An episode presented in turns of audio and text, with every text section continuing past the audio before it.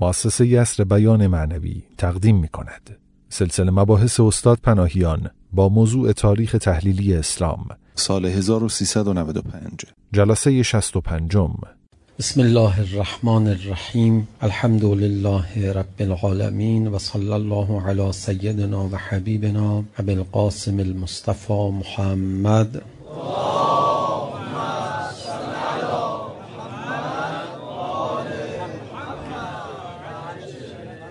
وآله الطيبين الطاهرين المعصومين لا سيما بقية الله في الأراضين روحي وأرواح العالمين له الفداء واللعن الدائم على أعدائهم مجمعين إلى قيام يوم الدين رب اشرح لي صدري ويسر لي أمري واحلل عقدة من لساني يفقه قولي ما در این جلسه که بیشتر به تحلیل تاریخ اسلام میپردازیم و طبیعتا چون تاریخ یک مسئله اجتماعی است بیشتر تا یک مسئله فردی.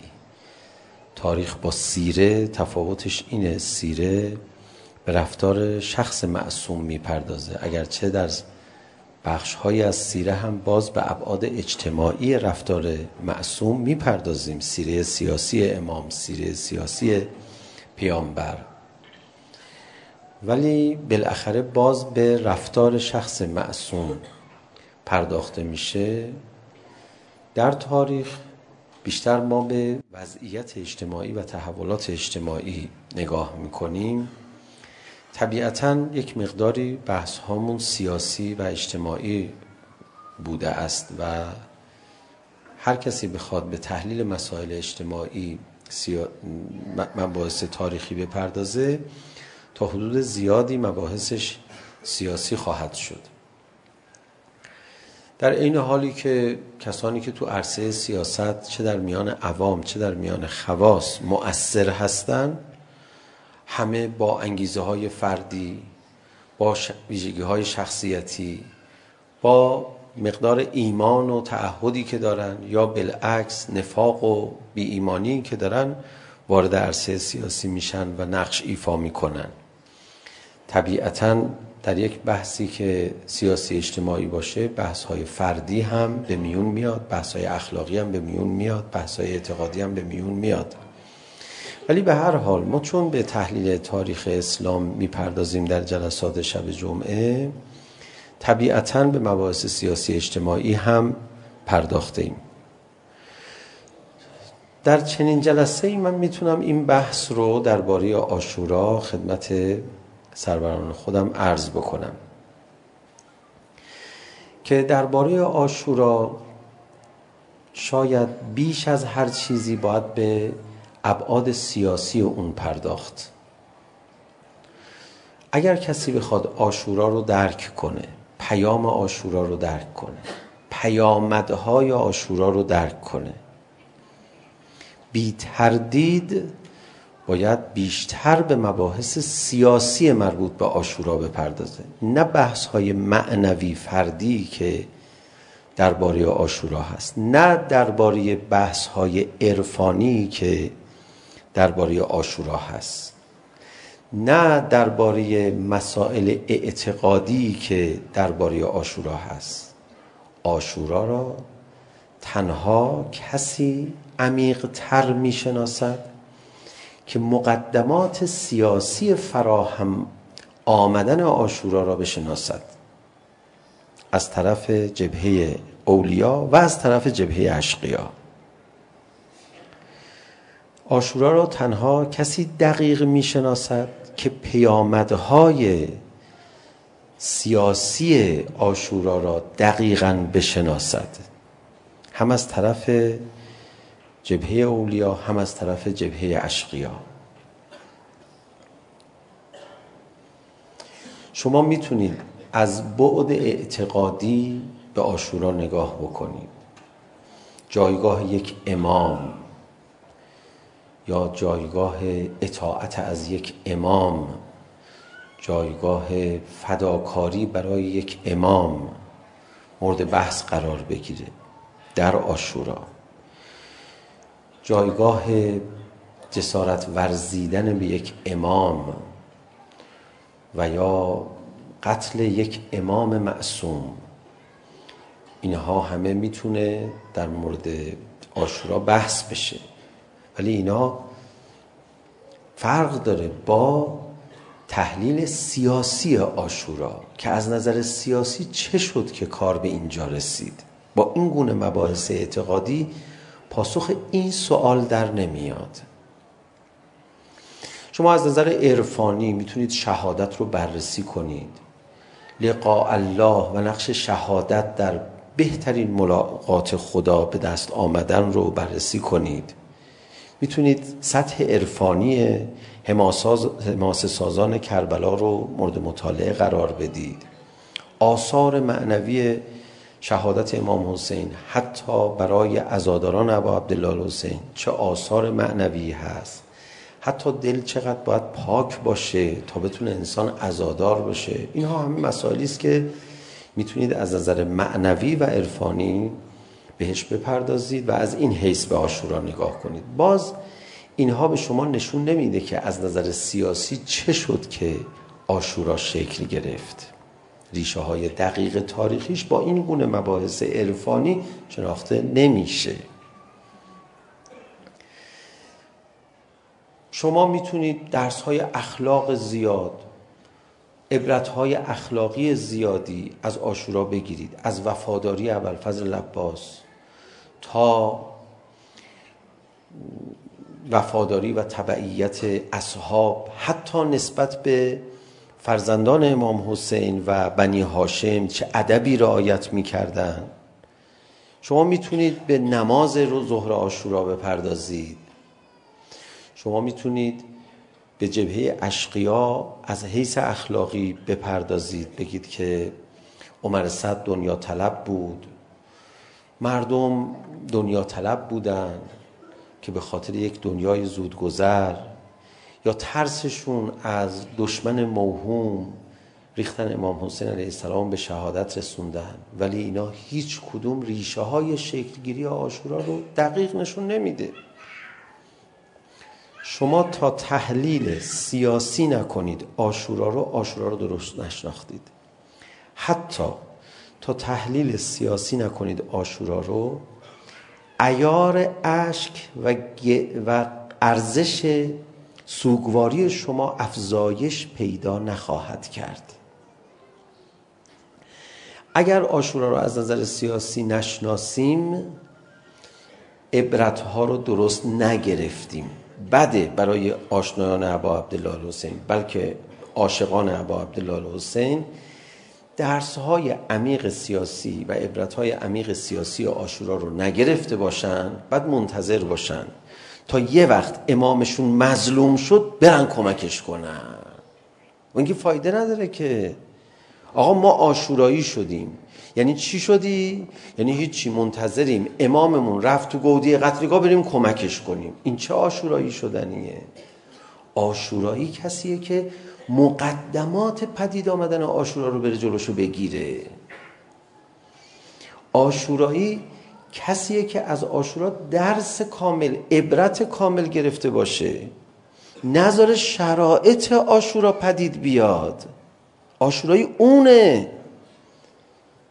و الا آشورایی به این معنا باشه که من کاری ندارم امام حسین چجوری گرفتار شد الانم تشخیص نمیدم امامم اگه ظهور کنن چجوری گرفتار میشن یا همین الان حق چجوری گرفتار میشه جبهه حق چجوری مظلوم میشه ولی در نهایت مظلومیت قرار گرفت میرم جان فدا میشم این حد اقل ممکنه درس گرفتن از آشوراست خب این خیلی بده اصلا بده نمیشه رو اینجور آشورایی حساب کرد خیلی خطرناکه آقا رو باش منتظر حق به اندازه ظهر آشورا قریب بشه بره جون بده آقا کی گفتن درس آشورا اینه پرچم آشورا بر فراز نیست که صرفا شهادت طلبی رو به ما یاد بده. پرچم آشورا بر فراز نیست که صرفا حماسه سازی رو به ما یاد بده. پرچم آشورا بر فراز نیست که ما صرفا به دشمنانی در حد و اندازه عمر سعد و یزید و شمر حمله کنیم. نه! این کاملا برداشت غلطی است از آشورا. پرچم آشورا بر فرازی که شما اجازه ندید. یک اکثریتی علیه حقیقت فریب بخورن. یک اقلیتی صرفا پای حق بیستن. پرچم آشورا برای این برفراز است که شما اجازه قربت حق ندهید. یه حرفی نیست که من الان بزنم ها شاید حدود 7 سال قبل ظهر آشورا در جلسه خودمون توی قوم بنده وسط شور و واویلای روزه ها این بحث رو مطرح کردم دیگه حسین حسین بود دیگه تو روزه عصر آشورا تو جلسه خودمون توی قوم شاید بعضی از دوستان نوارش شنیده باشن وسط اون گریه ها گرسیدم که خودم میگفتم عطشان حسین. بعد میگفتم خب حالا صبر کنید. اگر امام حسین رو آب داده بودن و شهید کرده بودن شما دیگه ناراحت نبودی؟ مردم با گریه هاشون جواب میدادن نه معلومه. ما بازم ناراحت بودیم. بازم معترض بودیم. بعد میگفتم اوریان حسین. جواب میدادن ملت. بعد میگفتم چی؟ صبر کنید. اگر احترام گذاشته بودن و لباس امام حسین رو در نیاورده بودن شما دیگه گریه نمیکردی امروز؟ و با احترام سر از بدن امام حسین قطع می‌کردن؟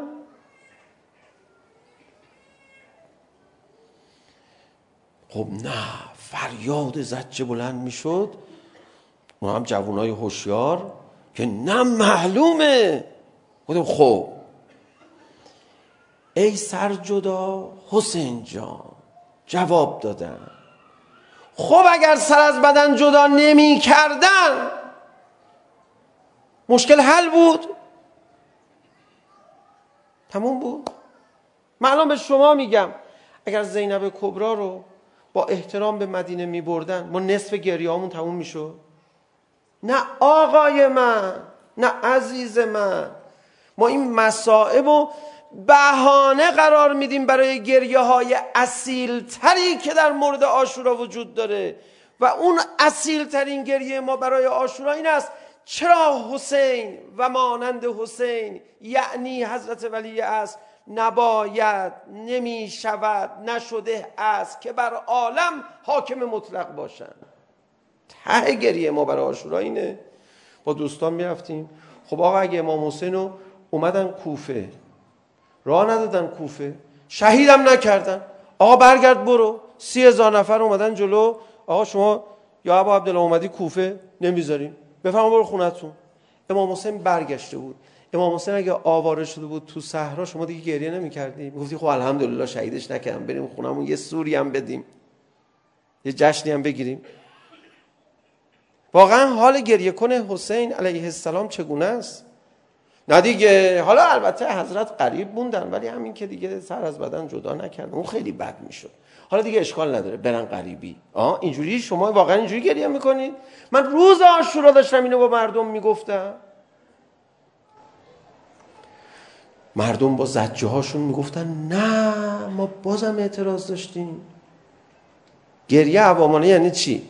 یه سالی من شب آشورا یه بحثی کردم تلویزیون پخش شد تو اونجا گفتم شب آشورا امام حسین به یارانشون فرمودن که برید لباساتون رو بشویید این لباسا کفن شما خواهد بود آماده باشید برای جنگ خیلی ها به من زنگ زن مگه آب بود که بشورن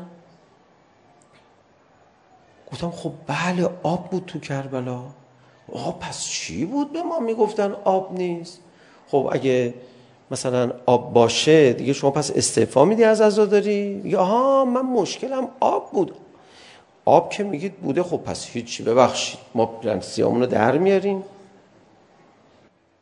گو آخه خیلی ها پرسیدن من با هر کدومشون مکالمه میکردم البته سطح جوابایی که به من میدادن فرق میکرد ولی بدترین گفتگو این بود آخه به ما گفته بودن آب رو سه روز به روی امام حسین بسته بودن. چقدر ناله ما رو الکی در آوردن؟ گفتم الکی در نیاوردن. همین توهین که آب رو به روی امام حسین بستن آدم بمیره حق داره. البته امام حسین دست بسته نبود به اکبرش به عباسش میفرمود برن آب بیارن میرفتن آب میآوردن. ما گریه میکنیم که چرا همچه غلطی کردن آب به روی حسین ببندن؟ ما گریمون برای اصل توهین به امام حسین حالا امام حسین شجاع بودن رفتن آب آوردن بعد دیگه شما گریه نمیکنی میگی خب آقا امام حسین درسته حالا اونا یه غلطی کردن آب رو بری شما بستن ولی شما که تونستی بری آب بیاری بی خیال اینجوریه یعنی بی خیال یعنی امام حسین دیگه حالا پیش توهین کردن نه امام حسین ولی خدا رو آب به صورتش میبندن این اشکال نداره البته میدونید شما آبی که در کربلا بوده برای رفعتش بسیار کم بوده حتی همون مواردی که میرفتن میآوردن ولی اون آبی که بوده که پیرهن باش بشورن مثلا نیازهای روزمره خودشون رو برطرف بکنن علل قاعده آبهایی بوده که از چاه میکندن همین الان هم شما کربلا رو یه چند متر بکنید به آب میرسید ولی اون آب خوردنی نیست غالبا آب به شدت شوره چون زمینش اینجوریه این این چیزی بوده که من از محققین البته شنیدم. و اینم بوده که چاه کندن آب در آوردن. ولی نه اون آب آشامیدنی که میشه از نهر فرات برداشت. اون خیلی قصهش فرق میکرد از جنس آب فرق میکرد. حالا بگذاریم آقا شما به چی معترضی؟ به اینکه سر از بدن جدا کردن؟ اگه سر بدن از بدن جدا نمی کردن شما مشکلات حل بود؟ اگه واقعا اینجوری برای امام حسین داری عزاداری میکنی من برات متاسفم. اگه امام حسین رو جلوشو میگرفتن میگفتن که آقا شما برگرد مدینه. نمیکشتن ایشونو شما دیگه قصه نمیخوردی نه؟ قصه برای حق نمیخوردی نه؟ شما فقط عزادار بخش های جنایی کربلا هستی. نه چاقو شمشیر نیاد من دیگه کاری ندارم. اه اینقدر طرفدار حقی؟ اینقدر قصه میخوری برای حق گریه عمیق برای آشورا اینه که چرا امام حسین رو نذاشتن اداره کنه جهان رو. وقت در روایت هم هست. اگه امام حسین رو یاری میکردن لیوز هرهو علی الدین کله زمان امام حسین تحقق پیدا میکرد. ولی بعد دیگه عقب افتاد و هنوز ما منتظریم. خب. گریه عمیق برای امام حسین گریه است که شما ابعاد سیاسی آشورا رو دقیق درک کنی. و بعد وقتی اعتراض داری به آشورا اعتراضت هم عمیق باشه. آقا شما کی راضی میشی؟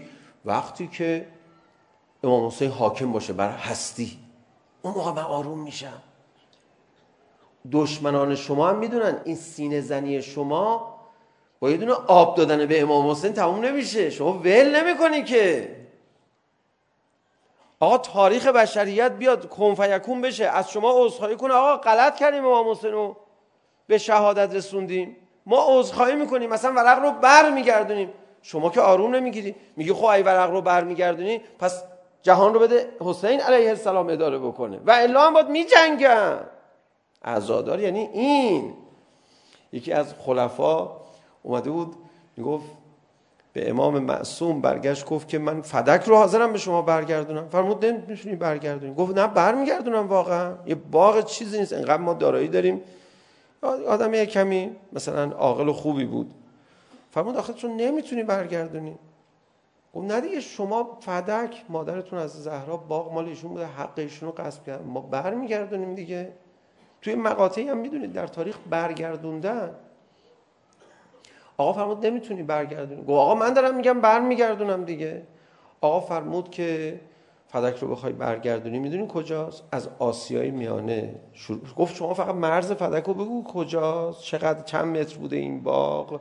حالا اطرافش هم حالا باغسازی شده بوده مرزش رو نمیدونسته حتما نمیدونم. فرمود که از آسیای میانه تا شمال آفریقا تا جنوب اروپا تا چی؟ همه مملکت اسلامی که اون زمان به این وسعت بود و اون همه فدکه. بده ببینم این حدیث ها حالا وقتی که فدک اینجوریه شما میشینی برای فدک گریه میکنی داره برای چی گریه میکنی؟ این پاسخ سیاسی امام رو ببین. آقای فدک رو بدن تمومه. همین الان فدک رو بدن به سادات بنی هاشم بچهای از زهرا.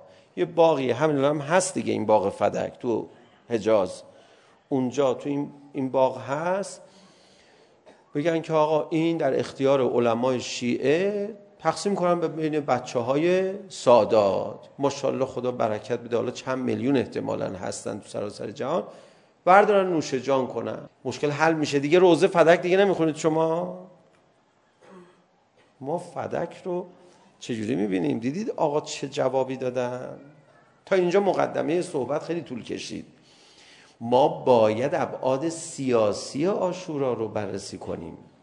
یک اگه میخوایم عبرت بگیریم مقدمات سیاسی شکل گرفتن آشورا رو بررسی کنیم.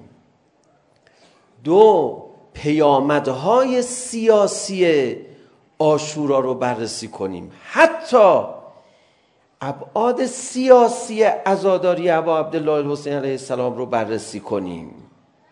ما باید اینجوری نگاه بکنیم درس میخوایم بگیریم از اقدام امام حسین باید اون ابعاد سیاسی و پیامدهای سیاسیشو ببینیم که امام حسین برای چی این کار کرد امام حسین یعنی میگفتش که یعنی چی شما بفرمایید آقا ما کاری به بقیهش نداریم ما شهید شدن رو دوست داریم بریم یا علی به شهادت برسیم امام حسین قطعا میدونستن شهید میشن ولی قطعا میدونستن ابعاد سیاسی شهادتشون چیه؟ و این آثار سیاسی که به آدم اجازه میدادم تن به شهادت بده. نه اینکه امام حسین نعوذ بالله چشمشون رو ببندن بفرمایید شهادت مقوله خوبیه. دستورم رسیده ما به بقیه‌اش کار نداریم. چرا کار نداشته باشه؟ امام کار داره به بقیه‌اش. در چنین روزی همین امروز زینب کبرا سلام الله علیها اومد امام زین العابدین علیه السلام در آغوش گرفت وقتی امام زین العابدین داره اون کشته ها رو میبینه رو زمین و جان داره میده از شدت اندوه صدا زد عزیز برادر من امام زمان من به تعبیر بنده اینجوری نگاه نکنین کشته ها رو روزی هزاران نفر یا تعداد فراوانی کسانی میان مردهایی که مثل مادری که برای بچهش اشک میریزه میان برای حسین ما اشک میریزن و اینجا مزار زائران خواهد شد قصه نخور زینب کبرا داره ابعاد سیاسی اجتماعی آینده آشورا رو بیان میکنه امام حسین ندیده اینا رو چرا دیده میدونه شهادتش داره چی کار میکنه حضرت امام برید ببینید ابعاد سیاسی عزاداری رو چجوری توضیح میدادن؟ میفرمودن که اون سیاسیون و روشنفکرای سیاسی که دین رو قبول ندارن. اصلا دین و امام حسین و گریه و این حرفا رو قبول ندارن. اینا اگر آثار سیاسی عزاداری رو بدونن با اینکه حالا مثلا اونها ممکنه دین نداشته باشن ها خودشون جلسه روزه را میندازن. امام اینجوری حرف میزد. یعنی به ابعاد سیاسی عزاداری نگاه میکرد.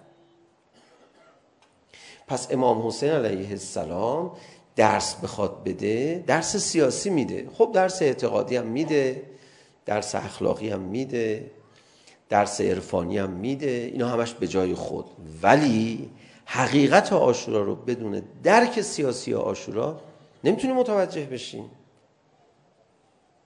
حالا بریم تو بحث سیاسی آشورا مختصر نمیتونیم که الان بشینیم مفصل بحث کنیم شما اگر بخواید ابعاد شکل گرفتن اوضاع کربلا رو و محاصره امام حسین علیه السلام رو و این ظلم بزرگ رو بررسی بکنید از کجا بررسی میکنید؟ الهی دورتون بگردم دیگه اینجا قربون صدقه و خواهش التماس. دونه دونه اتفاقاتی که از زمان پیامبر گرامی اسلام افتاده. از دوران در دوران خلفا افتاده.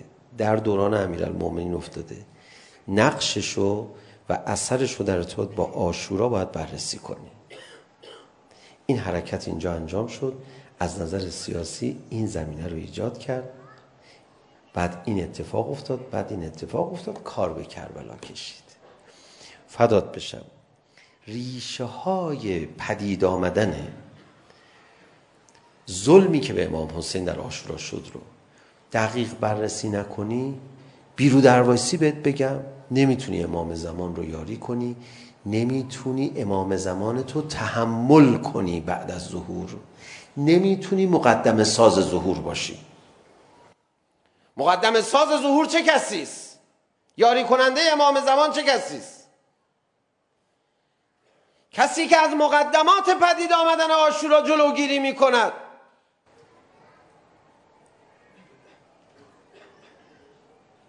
تمام میخواستم اینو ده جور دیگه بگم نمیگم همین همین همین شما ده بار تکرار کن برای خودت و الا امام زمان علیه السلام میاد یه دفعه یک کسی رو دستور میده آقا برید اون رو گردن بزنید یه خطای حالا زیاد بزرگم به نظر تو انجام نداده یه دفعه به اعتراض بلند میشه میگه آقا آقا دیگه چرا اونو گردن زدید ولی تاریخ بلد باشی ریشه های سیاسی پیامد پیش آمدن آشورا رو بلد باشی؟ میگه چی؟ میگه آقا میدونی چرا گردن اون رو زدن؟ حالا اینکه به ظاهر کار فاجعه آمیزی نکرده بودن. چون من تو تاریخ خوندم. حادثه آشورا از یه همچی دومینوی آغاز شد. این داشت این دومینو رو شروع میکرد. ببین اگه اینا رو بلد نباشی به امام زمان اعتراض میکنی. بعضی از شیعیان هستن به امام زمان اعتراض میکنن. رفقا راستی بهتون بگم ما جرم سیاسی تو جامعه ما تعریف نشده. میدونید که خیلی خیلی اصلا فقها ما باید جرم سیاسی رو اول تعریف کنن تا بعد بره تو مجلس شورای اسلامی تبدیل بشه به قانون و قوه قضاییه اونا رو در نظر بگیره. خیلی سخته. شاید هیچ وقت تا قبل از ظهور. آقا کدوم حرکت سیاسی؟ مقدمه پدید آمدن تو گودی قتلگاه رفتن حسین است و سربریده شدن حق. خب جرمش سنگینه. خب این باید توضیح داده بشه. آشورا چقدر قریبه کربلا چقدر ناشناخته است. بنده به عنوان یه روزخون و یه گریه کن امام حسین و یه سینه زن امام حسین. کوچیکتر همه گریه کنا و سینه زنا و کوچیکتر تر همه روز خونای امام حسین. خدمت شما عرض میکنم نظر شخصی خودم رو. آشورا و امام حسین بسیار غریبتر از آن است که تصور میکنیم. تاریشه های سیاسی پدید آمدن آشورا. روشن نشه آشورا از غربت در نمیاد. بله ما دیدیم سری به نیزه بلند است در برابر زینب. خب بقیه شو بگو. چه کسی آشورا را میشناسد؟ کسی که پیامدهای آشورا را میشناسد؟ مقدمات آشورا را میشناسد. الان یک کمی بری تو اربعین.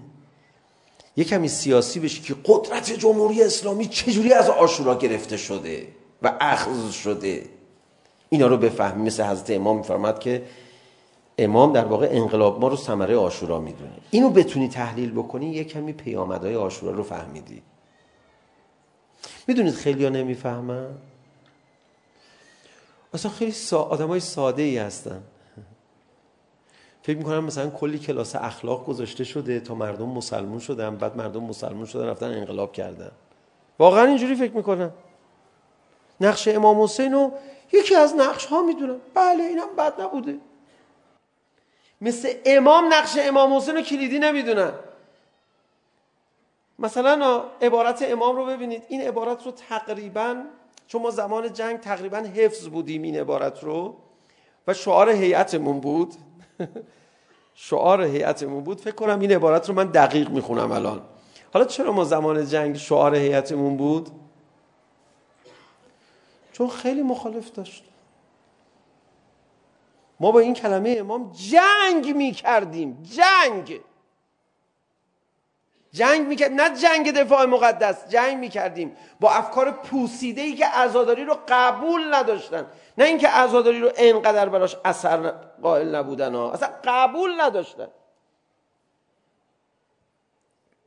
بعضیا سر کار بودن اون زمان که رفقاشون روزخون سر میبریدن قبل از انقلاب. میگفتن برای اینکه انقلاب پیروز بشه باید روزخونا رو سر ببریم.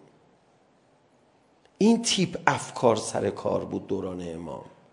بعد امام این حرفا رو برای اونا زده بود بعد ما با این یعنی می‌خواستیم انقلابی گری کنیم این حرفو می‌زدیم این شده بود شعار هیئت ما الان دیگه شما ضرورتی نمی‌دونید این شعارا بزنید دیوار میگه همه قبول دارن مگه نکته ایه امام می‌فرمودن بذار ببینم دقیق میگم 1400 سال است اسلام با این روزه ها و منبرها حفظ شده هست بعد میفرمودن که منبرها را هم روزه ها حفظ کردن یعنی نقش روزه رو از منبر که معرفت زاست کلاس درس و آموزش بالاتر میدونستن یه وقت علما فکر نکنن که حوزه های علمی رفتن اسلام رو حفظ کردن روزه اسلام رو حفظ کرده زیر سایش حوزه های علمی هم حفظ شده علماء راستین هم همه همینو معتقدن. میگن حوزه صدقه سر روزه امام حسین و برکت خونه امام حسین اصلا برقراره. این خیمه رو امام حسین برقرار کرده. حالا شما باید اینو بدونی. تازه درک پیامدهای آشورا ساده است. خب شما بفرمایید مقدمات آشورا چجوریه؟ بفرمایید مش... از نظر سیاسی مقدمات آشورا چه بود؟ اینجا یه نکته ای رو باید عرض کنم تو عرصه سیاست بخوای وارد بشی باید از قواعد دومینوهای سیاسی خبر داشته باشی بنده به شما عرض میکنم خیلی از روشن فکرانی که تو عرصه سیاست فعالیت میکنن قلم میزنن یا ادعای اندیشمندی دارن در عرصه سیاست یا خیلی از سیاسیون و سیاستمداران حزب اللهی یا غیر حزب اللهی اینها از قواعد دومینوهای سیاسی کاملا خبر ندارن به همین دلیل حرفهای غلط تو بازارشون زیاده نگرش های غلط سیاسی تو بازارشون زیاده مثلا آقا شما الان این حرکت رو انجام بدی ده پله بعدی چه عوارضی داره؟ میگه ده پله بعدیشو من نمیفهمم. دو پله بعدیشو میخوام بهت بگم. میگه این کارو بکنیم خوبه. میگم مطمئنی خوبه از نظر سیاسی. میگه علوم سیاسی گفته خوبه. علوم سیاسی همه آثارش رو دیده. همه کسانی که طرفدار دموکراسی بودن جنایت هایی که امروز دموکراسی داره میکنه در حق بشریت رو خبر داشتم خیلی هوش میخواد اینو خبر داشته باشن.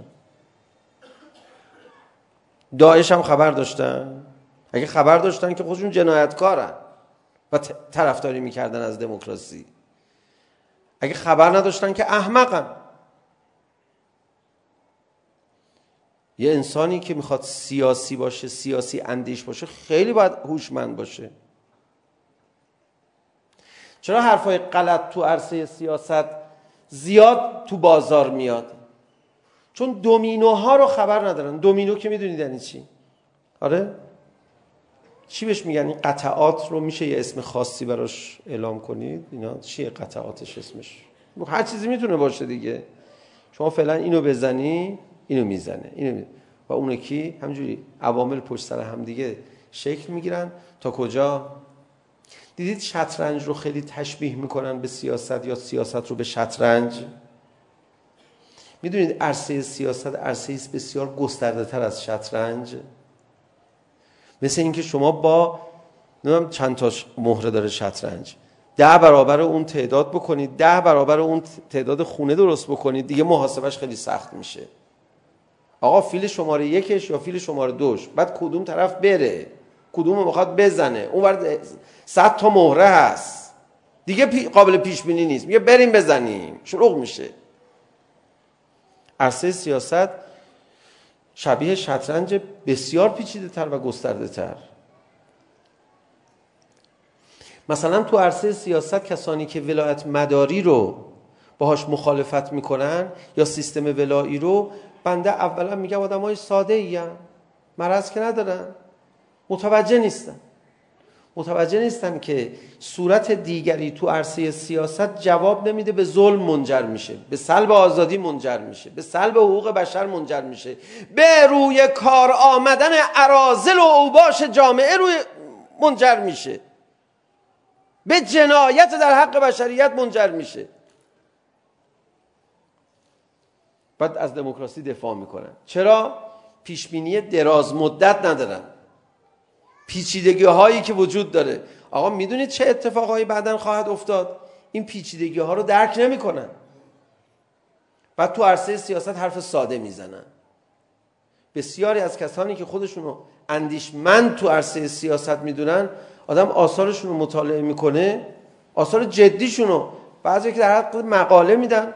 روزنامه ای اونا که هیچی اون آثار جدی که هست آدم میره میخونه می چه آدمای ساده ای چه آدم ساده مثل اینکه یه نفر از نظر فرهنگی بگه که من میخوام تو محلمون کار کنم و همه مشکلات محل رو حل کنم خب چیکار میخوای بکنی میگه میخوام برم تراکت هایی تهیه کنم پوستر تو این پوسترها بهترین نصیحت ها رو در باب حجاب در باب نماز در باب حلال خوری بزنم روزی سه مرتبه اینا رو عوض کنم.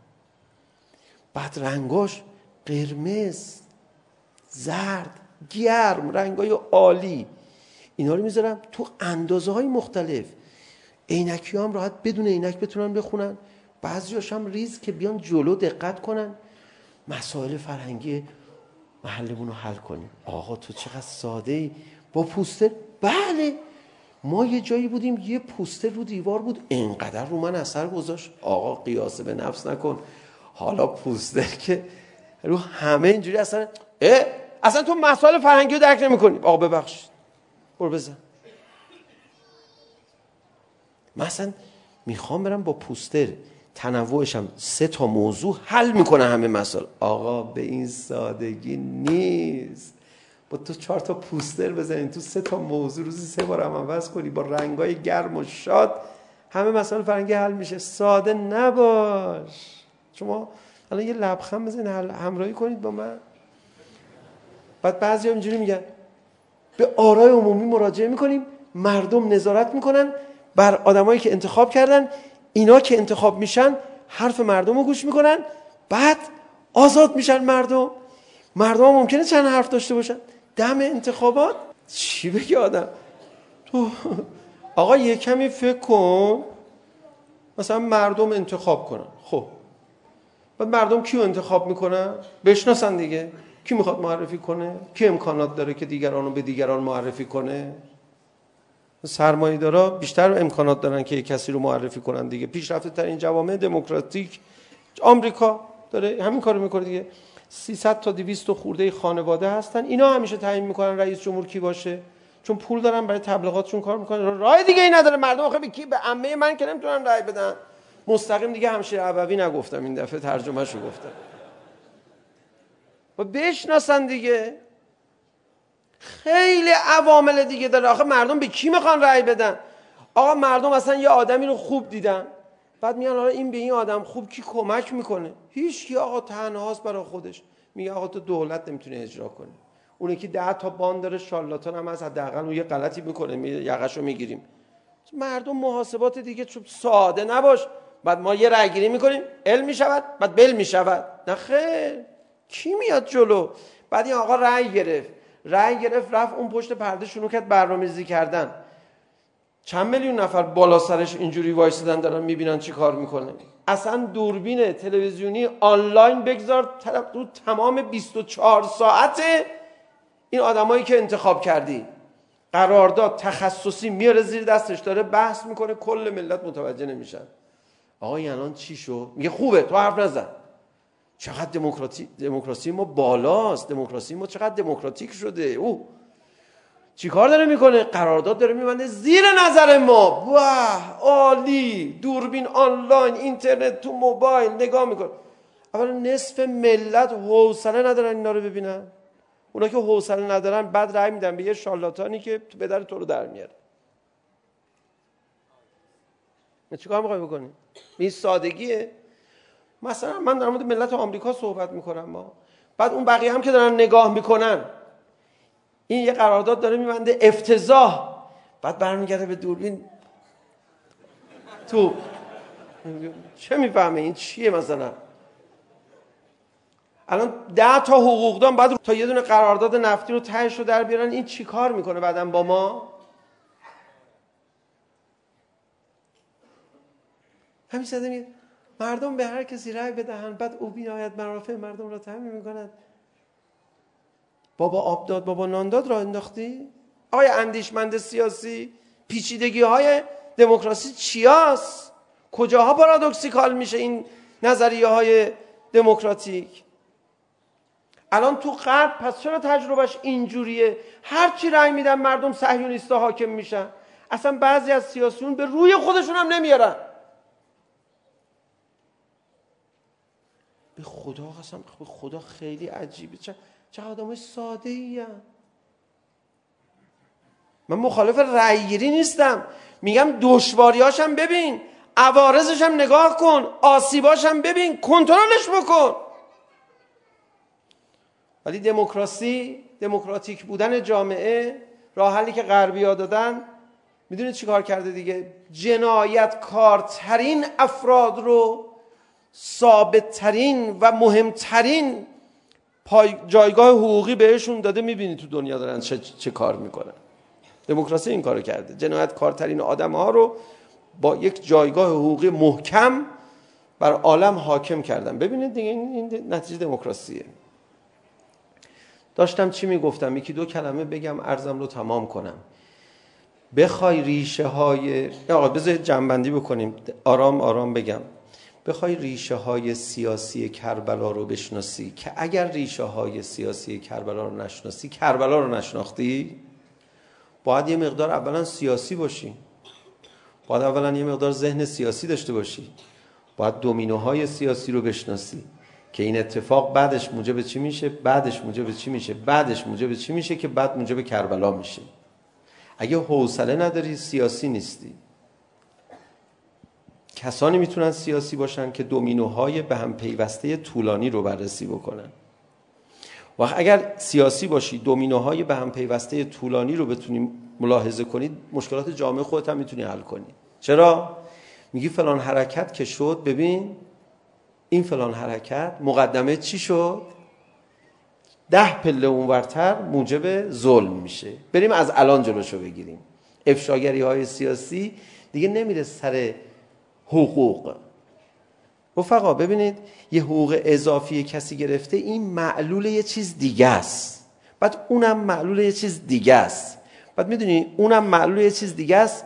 اون اولین علتش رو تو این آب خوردن داری میخوری می نوش جان میکنی. بعد چه انتظار داری این اتفاق نیفته؟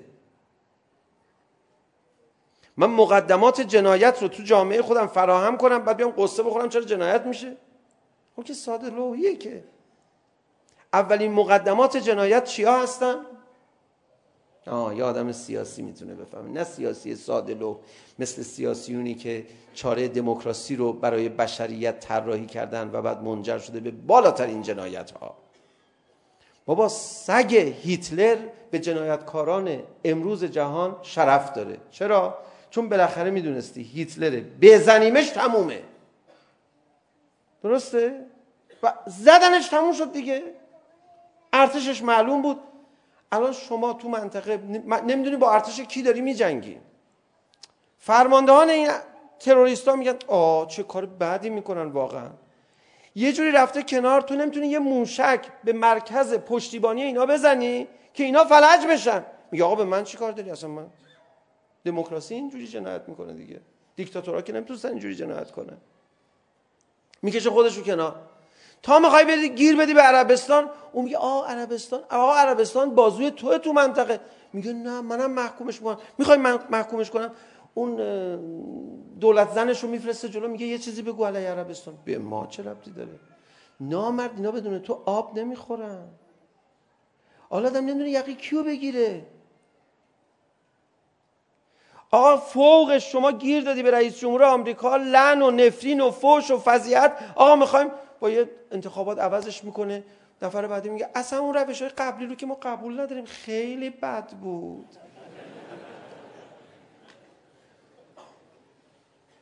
بعد می... تو هم میفتی مثل سادلوها دنبالش خب خواهش کنم پس تو درست کنم می باشه من درست میکنم. یه سه چهار سال اینم هی آخ آخ آخ آخ اه اه اه اینا چیکار دارن میکنن تا اونا مهماتشون کم بشه؟ همچنین که مهماتشون کم شد یه دفعه میگه آقا بیاد اصلا اول آتش بس. نامرد آتش بس نمیخواد. اون جنایتکار بزن داغونش کن. میگه نه اول آتش بس. بعد میگه آتش بس. اتفاقا افتاده. آتش بس که میشه میگه مهمات اونا رو بفرست. میگه آقا نامرد تو داری مهمات بفرست میگه نه کی کجا؟ اینا عکس داریم اینا فرسته. او اشتباه شده. بعد یه از اون بالا نگاه میکنه. این ورم یه مهمات سنگینی هست. یه بمب میزنه سر این تمام مهمات. جبهه مقاومت نابود میشه. آقا تو نامرد از اون دفاع که میگن من نه که کیو کجا فیلم ها نه اشتباه میشه تو جنگ اشتباه میشه یقه کیو بگیری بابا هیتلر بود که بهتر بود که ما میدونستیم با کی طرفیم سادلوهای سیاسی اومدن اندیش ناک شدن برای ما اندیشمند شدن بعد طرحی ریختن که دیگه یقه جنایتکاران عالمو نمیشه گرفت حالا بوش انقدر جنایت کرد انقدر آدم کش کجاست هیچ داره تو تفریح میکنه برای خودش از نظر قانونی هم مسئولیت داره تصمیمای گرفته و اصلا شما چی کاره دنیا هستی این حرفا رو بزنی بازی دادن تموم شده رفته این خاک و سیاسیون سر یعنی اندیشمندان سیاسی سر بشریت ریختن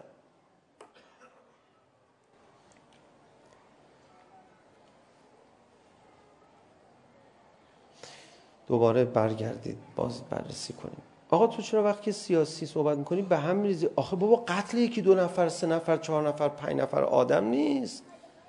فقر یکی دو سه نفر چهار نفر پنج نفر آدم نیست. شما الان بیا سخنرانی من بکنم در مورد عرق خوری انقدر آرامش خودم رو حفظ میکنم. میگم عرق خوری خب بعد ضرر داره. بی خود. به خدا اگه یعنی کسی بگی که تو ما یه سخنرانی از تو دیدیم علیه عرق خورا زناکارا چاقو کشا داد زدی. به خدا. اصلا دادم دادش نمیاد. ای بابا این بدبختیه. چی بگم من آخه؟ برای نماز اینقدر آروم صحبت میکنم. بله. برای نماز. من میفهمم دین به ما یاد داده. گفته ولایت خیلی مهمتر از نمازه. چون بحث از ولایت سیاسی آدم دادش در میاد. یکی دوتا که نیست. آقا فلانی نماز نمیخونه. خب بیار نصیحتش میکنیم. چرا نماز نمیخونه جالبه که. جالب. چرا نخونی اصلا؟ وضو میگیری با آب سر دیدی چه حسی داره. قشنگه. مخصوصا برای خدا باشه. آقا من نمیدونم برای چی نماز بخونم. انقدر خوبه. آدم حرف رفیقشو گوش کنه. بگه ببین من نمیدونم ما فقط گل روی تو. باحال نیست مگه؟ آره باحاله. خب رفیقت خدا گوش کن دیگه. تموم شد جواب کن. یه نفر از شهرستان اومده بود خونه ما. چندین سال پیش بعد مثلا فکر کرد مثلا یه آدمی این بنده. من میخوام بیام من میخوام بیام. آقا باش براشو بیا. اومد. گفت ببین حاجی من نماز نمیخونم. اومدم با صحبت کنم. من نماز خون کنم. گفت من نمیتونم.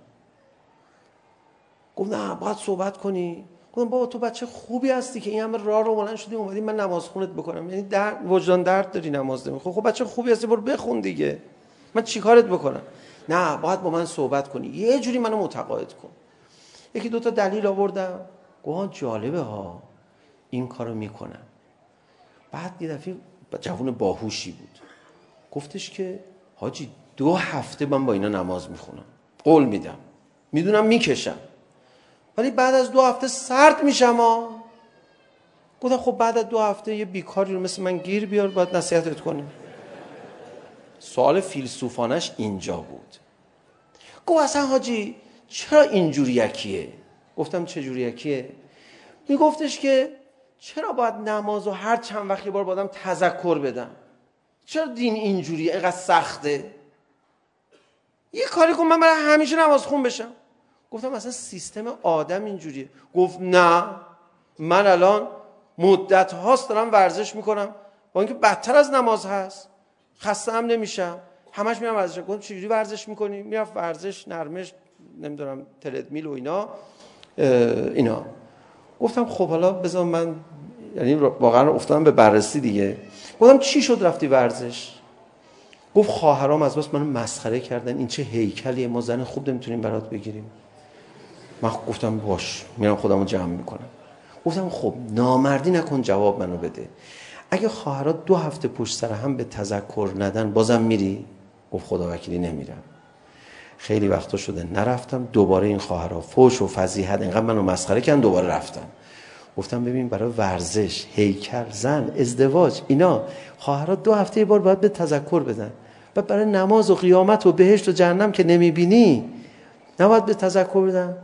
گفتم درسته بعد یه حدیث امام باقر علیه السلام براش خوندم گفتم امام باقر علیه السلام میفرماید انسان اینجوریه معدش اگه درد نگیره ها امام صادق روانشناس میفرماید معدش اگه درد نگیره برای غذا خوردن اگر بدون غذا نخوره میمیره چون معدش درد نگرفته نمیره از تنبلی غذا بخوره تا بمیره. گفتم بشر اینجوریه. آقا این لازمته. حالا باشه. حالا باشه. دیگه دیگه دیگه وقتی تصمیم میگیره بره غذا بخوره که دیگه نمیتونه بلند شه بره غذا بخوره. میفرماد اگه معدش درد نکنه ها غذا نمیخوره. انسان اینقدر تنبله. گفت ها پس باش. پس اگه افت انگیزه پیدا کردم. گفتم برو خواهرایی پیدا کن که اونها در مورد نماز مثل ورزش به تذکر بدن. که خب بخواد خواهر جدید پیدا کنه بعد چیکار کنه؟ شما بگین. نه خواهر جدید پیدا کنه بعد بره یه زن دیگه برای باباش بگیره که اون خواهر براش بیاره. ذهنتون جای بد نره ما حرفای بد تو هیئت نمیزنیم. اون خواهر نیست که تو گفتی. اون یه چیز دیگه است. خواهر جدید بخواد پیدا کنه مثلا شما الان چند سالته ماشاءالله؟ 20 سالته نام چی. برادر خواهر جدید بخوای پیدا بکنی نداری. باید بری برای بابات زن بگیری. اون بنده خدایی که چهار تا مثلا بچه داره هم سن و سال تو. آنه. نه چک زدی نه چونه. برادر خواهر اومد تو خونه. ذهنتون جای بد نره. ببخشید. هی طولانی میشه این صحبت.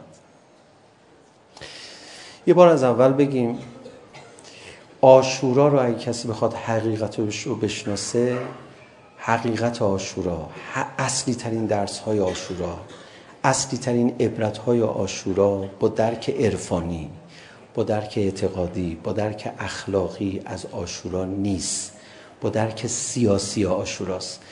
درک سیاسی آشورا این است که پیامدهای طولانی مدت حرکت امام حسین رو درک کنی و مقدمات بعیده واقعی آشورا رو بشناسی. بخوای مقدمات بعیده حادثه آشورا رو بشناسی باید ذهن سیاسی داشته باشی. ذهن سیاسی نه مثل بسیاری از سیاسیون و اندیشمندان سیاسی که ذهن ساده ای دارن طرحهای نابخردانه میدن. میگن اگه اینجوری بشه همه چی درست میشه بعد اونجور میشه. میبینی بدتر شد. دموکراسی بدتر از هیتلر جنایت میکنه. یقه کسی رو نمیتونی بگیری. نه باید سیاسی باشی به معنای عمیق کلمه. سیاسی باشی یعنی چی؟ اتفاقهایی که تو جامعه میفته بعد از چند وقت منجر به ظلم‌های بزرگ میشه رو اینا رو بتونی تحلیل کنی. حالا اگر ذهن سیاسی داشته باشید من قدم اول برای آشورا رو طبق روایت براتون بخونم. بله. اینجوری آدم تازه شروع کرده تحلیل سیاسی آشورا رو. قدم اولش رو میگم ها ولی این قدم اول چجوری طی یک دومینوی طولانی؟ چون ذهن سیاسی باید بتونه یه دومینوی طولانی رو بررسی بکنه. اگر سیاسی نباشی اگر دومینوهای طولانی سیاسی اجتماعی رو درک نکنی یاری امام زمان علیه السلام هم نمیتونی بکنی ها. چون آقا ریشه های پدید آمدن ظلمی مثل قتل ابا عبدالله الحسین رو میخواد جلوشو بگیره بعد میگه امام حسین امام زمان چرا این کارا رو میکنی؟ مثل خیلی ها که اعتراض میکنن به امام زمان الله الله الفدا میگن آقا چرا اینقدر سختگیری میکنی؟ آقا میفرماد آخه شما نمیدونید این این ریشه چیه؟ پدید آمدن یک آشورای دیگه. باید سیاسی باشی این تازه یه قدمشه. بعد اقدامت باید چی باشه که جلو اقدام سیاسی. این درک سیاسیه. اقدام سیاسی باید چی باشه که جلوی پدید آمدن آشورا رو بگیری اونو بنده یه جلسه ای بعد از اینجا دارم. بچه های هنر شبا داریم بحث میکنیم. اونجا میخوام به اقدامات سیاسی که جلوی پدید آمدن آشورا رو بگیره بپردازم. نمیخوام تبلیغات کنم برای اون جلسه. نه دسترسی شما برای مطالبش ممکنه به هر صورت دیگه ای ولی یادتون باشه من اونجا در مورد ولایت مداری به عنوان اقدام کلیدی برای جلوگیری از جنایتی مثل آشورا نمیخواهم صحبت کنم. چون ماها خیلی مشهوریم به این که به موضوع ولایت میپردازیم نه من اونجا اینو نمیخوام بگم. اون چیز دیگه است میخوام بگم. یکی از پیامدهای ولایت مداری نه خود ولایت مداری که امروز تو جامعه ما به, س... به صورت بسیار وحشتناکی کمه. یکمی سیاسی باش. در آیه قرآن این این روایت در کافی شریفه. کتاب کافی کتاب بسیار وزینیه این روایت از امام صادق علیه السلام نقل شده در تفسیر یا در تعویل یک آیه قرآن ما یکون من نجوا ثلاثه الا هو رابعهم ولا خمسه الا هو سادسهم ولا ادنا من ذلك ولا اكثر الا هو معهم اينما كانوا ثم ينبئهم بما عملوا يوم القيامه این یوم القیامه ما رو کشته از اول ترجمه میکنم برات میاد ان الله به کل شیء علیم میفرماید هیچ کسی پنهانی با کسی نجوا نمیکنه هیچ ببینید ما یکونو من نجوا ثلاثتن هیچ سه نفری با هم در گوشی حرف نمیزنن مگر اینکه نفر چهارمشون خداست هیچ پنج نفری با هم در گوشی حرف نمیزنن قرار مدار با هم نمیگذارن مگر اینکه شیشومیشون خداست هیچ کمتر از این یا بیشتر از اینی در گوشی با هم نمیرن قرار مدار بذارن مگر اینکه خدا بالا سرشون هست امام صادق علیه السلام میفرماد این آیه در مورد توطئه سیاسیه اتاق فکرهای باندای سیاسی که دور هم جمع میشن قرار مدار میذارن نقشه میریزن چجوری بازی بدن جامعه رو؟ خوشت اومد این آیه سیاسی رو. بعد امام صادق علیه السلام فرمود این درباره یه جلسه مشخصیه که بعضی از افراد حاضر در اون جلسه رو و اینکه این جلسه کجا بوده و موضوعش چی بوده و چگونه به ثمر رسید اون جلسه توته آمیز رو معرفی میکنه. چرا گفتم که ثم ینبئهم بما عملوا یوم القیامه پدر ما رو در آورده خدا میفرماد نشستید با هم نقشه ریختید من روز قیامت بهت میگم ای خدا اینا سیاسیت توته کردن ننداز روز قیامت همینجا پدرشون رو در بیار فرماد ببخشید اون به عهده خود شماست یعنی دیگه خدا اعلام کرد اینا توته کردن علیه شما. خب خدا بزنشون من روز قیامت میزنم. آ خدا خب ما چه خاکی به سرمون بریزیم؟ اینا توته که ما که نمیدونیم تو اتاق چی گفتن. آ خدا راه حل برای ما میگذاره که گفتم اون جلسه بعدی در مورد راه حلش میخوایم صحبت کنیم. ولی میفرماد این به عهده خودتونه. یه گروهی رفتن توطئه کردن پشت پرده میخوام پدر شما رو در بیارن. امام صادق میفرماد مصداق این چیه؟ موفقم شدن موفقم شدن. نتیجهش چی بود؟ امام صادق علیه السلام هم نتیجهش کربلا بود. ای پس اینو شما توضیح بدید خواهش میکنم. ما بنا شد نظر سیاسی ریشه های کربلا رو بفهمیم. این عمر سعد و عبیدالله و یزید با هم جلسه گذاشته بودن؟ نه خیلی قبل تر از این حرفا. کی؟ زمان رسول خدا جلسه گذاشته بودن. عجب. آقا یه کمی توضیح بدید بیشتر این جلسه رو. میفرماید نزلت هاذه الايه فی این آیه نازل شده درباره فلانی فلانی ابی عبیده جراح عبدالرحمن اوف سالم مولا ابی حذیفه مغیرت ابن شعبه. تو بعضی از روایات تعداد بیشتر اومده. اینا چیکار کردن؟ حيث كتب الكتاب بينهم و تعاهدوا و توافقوا اینها یه نوشته ای رو با هم امضا کردن قرار گذاشتن که بعد از پیغمبر ما اجازه نمیدیم. چیزی که پیغمبر میخواد اتفاق بیفته جزئیاتشو توضیح نمیده. این پیمان رو با هم گذاشتن. چی شد؟ خدا آیه رو نازل کرد. خب خدا آیه رو نازل کرد مردم فهمیدن؟ نه دیگه. آخر این روایت رو میدونید این روایت رو من خیلی هاشو نمیتونم بخونم. اون زمان چیکار کردن؟ یکی از حرکت های اجتماعیشون رو بگم. همین گروه. یکی از حرکت های اجتماعیشون این بود که نذارن پیغمبر اکرم در قدیر خم علی ابن ابی طالب رو به عنوان جانشین معرفی کنه. میدونید چیکار کردن؟ خیلی بودن تعداد اینا. بعد اینا خودشون تازه کلی آدم داشتن. چند هزار نفر آدمای یا چند صد نفر نمیدونم. آدمای پای منبر پیغمبر رو از خودشون گذاشتن. درسته؟ تا امیرالمومنین علیه السلام دستشون بالا رفت به وسیله پیامبر اکرم و بحث اومد رو موضوع وصایت به اینا اشاره کردن ابستراکسیون کنید. جلسه رو خالی کردن. اینقدر رفتن جلسه به هم خورد. پیامبر اکرم صبر کردن. سازن علی جانم اون جمعیت رو بگو بیان جلو یه جمعیت دیگر رو برشان آوردن جلو که بتونن سخنرانی کنن از اونجا شروع شد این اولین حرکت های اجتماعیشون بود بعد کار به کجا رسید خب دیگه چی بگیم کار به کجا کشید دیگه شما میدونید بعد حالا آخر روایت رو ببینید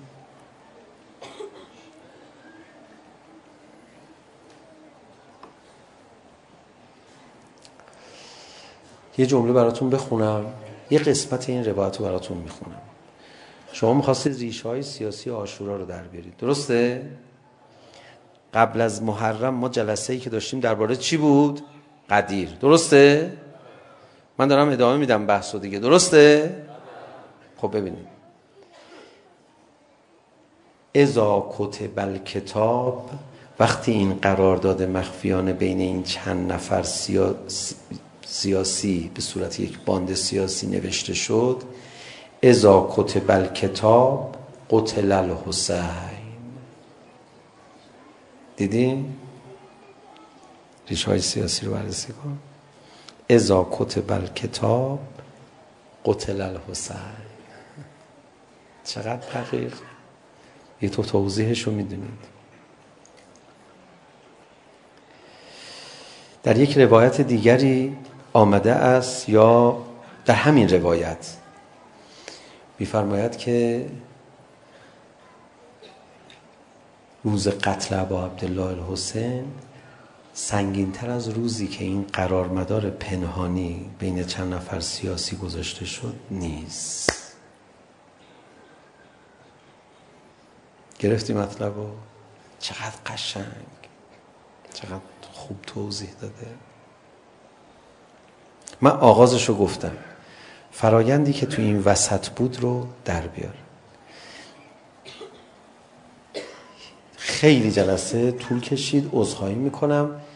عرضم رو تموم کنم. اصلا نمیخواستم اینقدر صحبت کنم. ببخشید. دقت کنن دوستان. حضرت زهرای اطهر بعد از اینکه خانه نشین شدن محسنشون رو از دست دادن.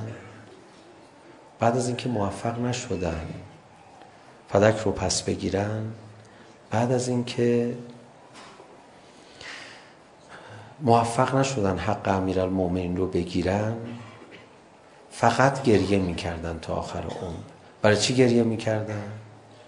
حضرت زهرا سلام الله علیها قرارمون روز قیامت از مادرمون بپرسیم.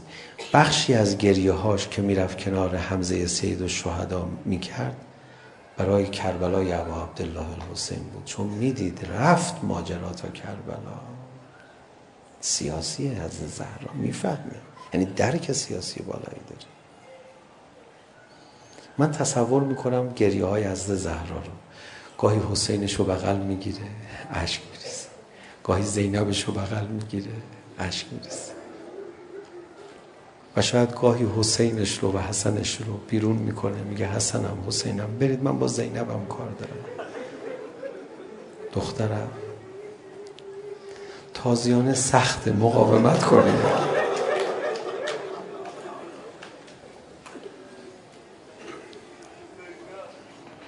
بله زینب رو آماده میکنه.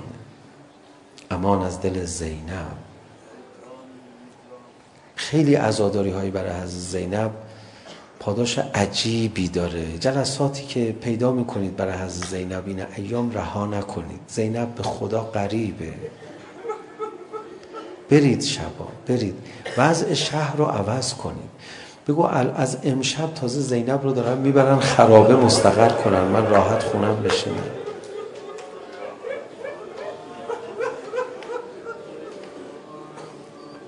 امان از دل زینب میدونید امشب زینب کبرا تو راه هم عصر امروز سوار شدن امشب تو راه هم اینقدر زینب نگران این بچه ها از ناقه ها نیفته اینقدر سخته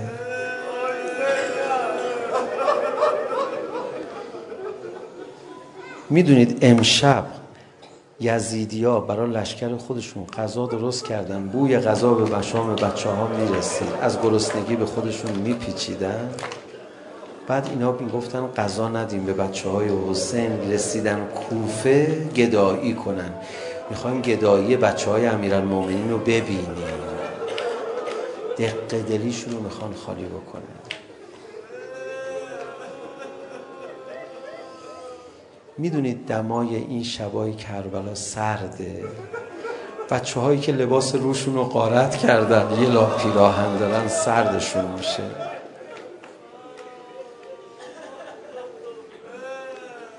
امان از دل زینب. کدوم یکی از بچه ها رو در آغوش خودش گرم کنه. فقط کافیه تو این هوای پاییزی یه باد بیاد. بچه ها مریض نمیشن. بچه ها سرما نمیخورن. بچه ها اذیت نمیشن. بچه هایی که تو بیابون همیشه بزرگ شده باشن قوی هن. ولی اینا بچه های شهری هن. همیشه تو آغوش امام حسین بزرگ شده. امیدوارم تو این راه سختی هاشون همینایی که گفتیم باشه. واقعا دعا کنیم. امیدوارم تازیانه به بچه ها دیگه نزنن. الا لعنت الله علی القوم الدار. بیان معنوی نقطه آی آر